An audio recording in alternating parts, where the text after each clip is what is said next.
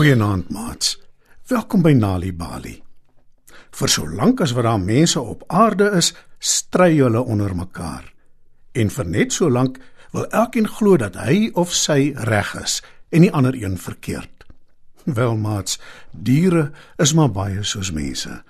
En in vanaand se storie, Olaus en die koning van die meer, hoor ons hoe diere lank gelede onder mekaar gestry het oor wie koning van 'n pragtige groot meer in Afrika moet wees. Die storie is geskryf deur Sissily van Straaten. Skryf dus nader en spits julle oortjies. Lank, lank gelede, toe die aarde nog jonk was, het daar 'n skoenbek ooievaar naby 'n pragtige groot meer in Afrika gebly. Die ooievaar was baie wys. Hy het sy omgewing fyn dopgehou en alles om hom gesien en gehoor terwyl hy alleen tussen die lang wiesies wat op die oewer van die meer groei staan. As enigiemand van die diere wat in die omgewing gebly het dus raad nodig gehad het, het hulle Olaus, want dit is die skoenbek ooievaar se naam, besoek. Daar bly heelwat diere in en om die meer. En al die diere is baie gelukkig met hulle blyplek. Maar toe, op 'n dag, begin seekoei en krokodil iets eisliks te stry. Hulle argument gaan oor wie dan nou eintlik die koning van die pragtige groot meer moet wees. Maar hoe meer hulle stry, hoe minder kan hulle ooreenkom oor wie die beste en mees geskikte kandidaat sou wees. Dus gaan hulle toe maar op die ou einde na Olaus toe om sy raad te vra. Ek dink eerlik waar ek behoort die koning van die meer te wees.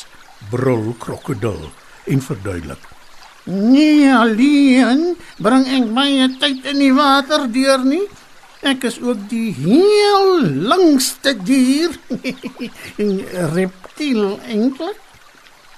En ek het ook die grootste bek. Maar bo alles, ek het die heel meeste tande. En met die rek krokodil sy eislike groot bek waawyd oop sodat die ander sy lang rye vlamskerp tande kan sien. Toe brul krokodil verder. Almal vrees my. As ek koning word, sal ek geen probleem hê om gesag af te dwing nie.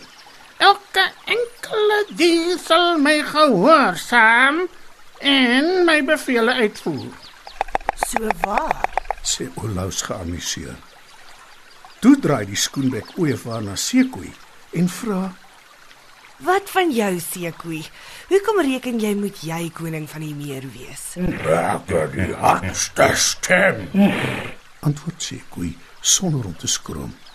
'n Koning wat nie sy onderdane bymekaar kan roep nie, is beslis nie sy sout werd nie. Om te bewys hy is reg, maak Sekoe sy bek oop en brul luidkeels. en hy word ver en wyd oor die meer en die hele omgewing gehoor. Krokodil vererg hom bloediglik en sê: Nee. Onderdane moet hulle koning vrees. Krokodil swai sy kragtige lang stert heen en weer en raas verder. As ek koning word, vreet ek enige een op wat my nie gehoorsaam nie. En Sekoe kan dit beslis nie doen nie. Hy sit sy bek aan niks anders as gras nie. Dis waar, sê Olaus instemmend en hy voeg by: maar ek neem aan julle wil my raad oor die aangeleentheid hê. Ja, beslis. roep Sekoe. En krokodil beamoen. Natuurlik, dis hoekom ons hier is. Krokodil is redelik seker dat Olaus hom as koning van die meer sal aanwys. Wel, sê Olaus die skoenbek ooievaar terwyl hy stip na die maan kyk wat hoog bo in die aandlig skyn. Toe glimlag hy geheimsinnig en sê stout vir krokodil en sekoe.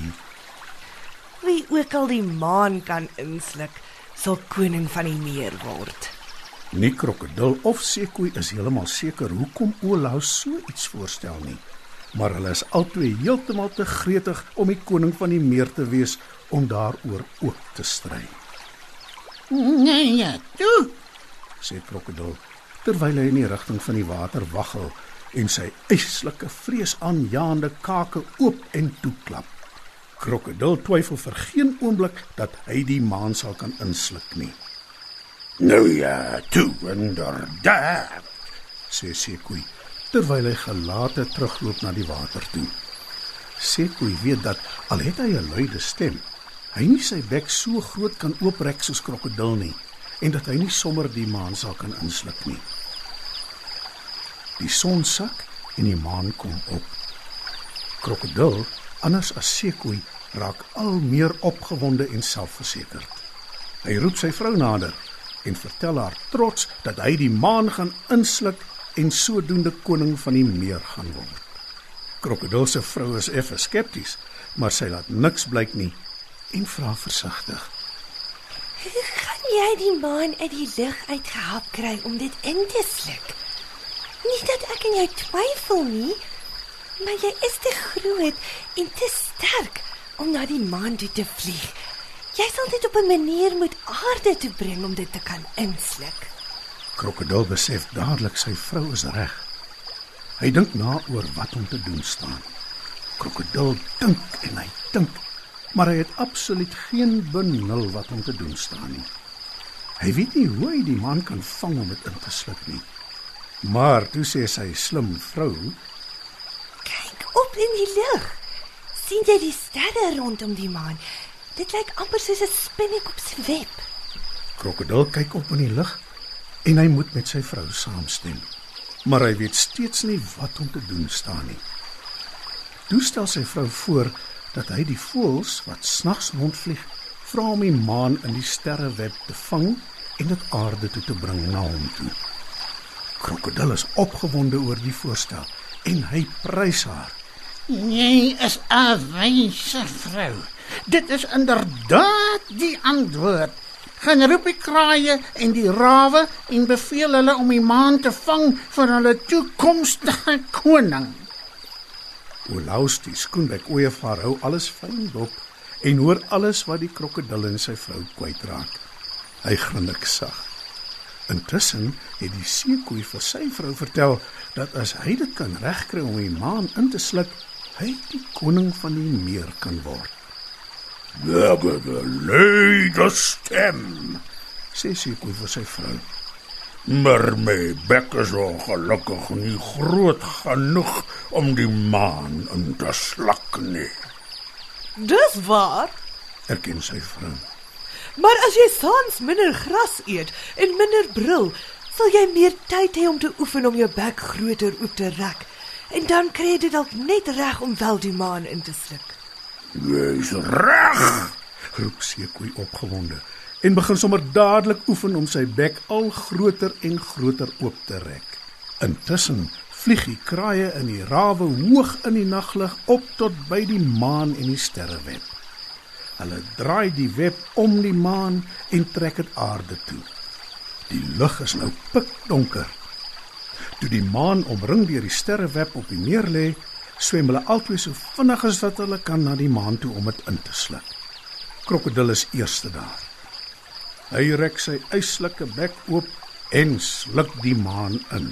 Nou is ek die koning van die meer. Maar toe begin krokodil baie ongemaklik voel. Sy maag pyn iets ysliks en dit brand soos vuur in sy ingewande. Die donker nag lyk skielik bitter onvriendelik. Seekoei wat snags wy, wonder hoe hy ooit weer behoorlik sal kan sien waar die gras is en hy begin wonder of Olaus se voorstel so 'n goeie een was. Seekoei besef dat dit 'n fout was om die maan in te sluk. Want die maan hoort in die lig waar dit helder skyn. Hy rek sy bek wyd oop en byt aan krokodil se maag. En daar vlieg die maan uit, hoog, hoog op in die naglig waar dit tot stilstand kom en weer helder skyn. Al die diere kom uit hulle wegkruipplekke en juig van vreugde. Olaus se plan het gewerk. Nie seekoei of krokodil of enige ander dier stry ooit weer oor wie koning van die meer moet wees nie. Wanneer kinders tuistories hoor, help dit hulle om beter leerders te word op skool. Vir meer stories om vir kinders voor te lees of vir stories wat kinders self kan lees, besoek ons by www.nalibali.mobi. Daar is heelwat stories in verskeie tale absoluut gratis beskikbaar. Daar is ook wenke oor hoe om stories vir kinders te lees en met hulle te deel sodat hulle hulle volle potensiaal kan ontwikkel. Nalibali is ook op Facebook. En daar is Nalibali stories en aktiwiteite in bylaas van koerante. Story Power. Bring dit huis toe.